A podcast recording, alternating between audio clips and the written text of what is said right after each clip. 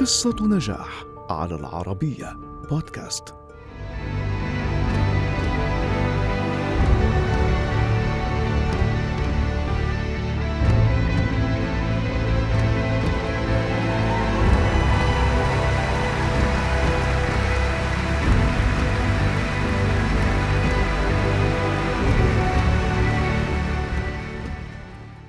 لطالما كان الأداء التمثيلي هو العنصر الأهم والأكثر تشويقا في الأفلام السينمائية.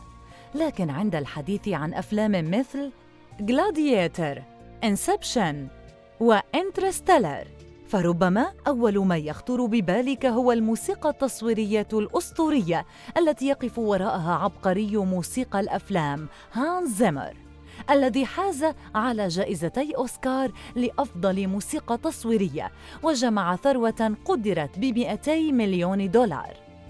ولد هانز زيمر في فرانكفورت غربية ألمانيا عام 1957 لأب مهندس وأم موسيقية. وبدأ اهتمامه بالموسيقى في سن مبكرة حين بدأ العزف على البيانو وهو في الثالثة من عمره. وانتقل في العام التالي حاملا موهبته إلى إنجلترا. وهناك كان تفضيله للموسيقى على أداء واجباته المدرسية سببا في طرده من عدة مدارس حتى جاء عام 1980 وأسس زمر رفقة تريفر هورن وجيف داونز فرقة تدعى باجلز. وأطلقت الفرقة في العام نفسه أول ألبوم لها بعنوان The Age of Plastic الذي تضمن الأغنية الناجحة Video Killed The Radio Star.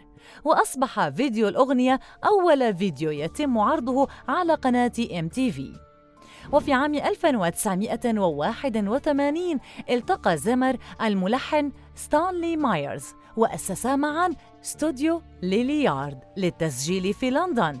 وبمساعدة مايرز طور زمر أسلوبه في مزج الأوركسترا مع الأصوات الكلاسيكية في الأفلام وعمل على أفلام مثل Moonlighting و Insignificance أما الفرصة الأولى الحقيقية التي دخل بها عالم الأفلام فكانت في عام 1988 عندما أنتج المؤثرات الصوتية لفيلم Rain Man التي حظيت بإعجاب النقاد.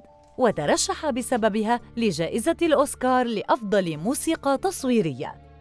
في بداية التسعينيات أصبحت موسيقى زمر عنصراً أساسياً في أفلام هوليوود مثل Black Rain و Thelma and Louise و Backdraft حتى جاء عام 1994 وحقق زمر أكبر نجاح له بعمله في فيلم ديزني The Lion King وسفره إلى إفريقيا لاستخدام الجوقات والطبول الإفريقية في الموسيقى التصويرية.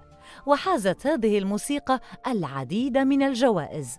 بما في ذلك جائزة الأوسكار وجائزة جولدن جلوب وجائزتا جرامي وأصبحت موسيقى الفيلم الأكثر نجاحاً في تاريخ تسجيلات ديزني وبيع منه 12 مليون نسخة في جميع أنحاء العالم. ومع بداية الألفية الجديدة قام زمر بتأليف مقطوعات لأفلام هوليوود الشهيرة مثل Gladiator Da Vinci Code The Last Samurai وقراصنة الكاريبي. في عام 2005 بدأ زمر شراكة ناجحة مع المخرج العبقري كريستوفر نولان فلحن له ثلاثية باتمان و Interstellar و Inception ودانكيرك واستطاع زمر بعبقريته هو الآخر نقل هذه الأفلام إلى مستوى آخر. حصل زمر على جائزة الأوسكار الثانية له لأفضل موسيقى تصويرية عام 2022 عن فيلم دون. كان زمر طوال مسيرته الحافلة بالنجاحات أكبر منتقد لنفسه واستطاع بفضل إبداعاته الموسيقية جمع ثروة قدرت ب 200 مليون دولار عام 2020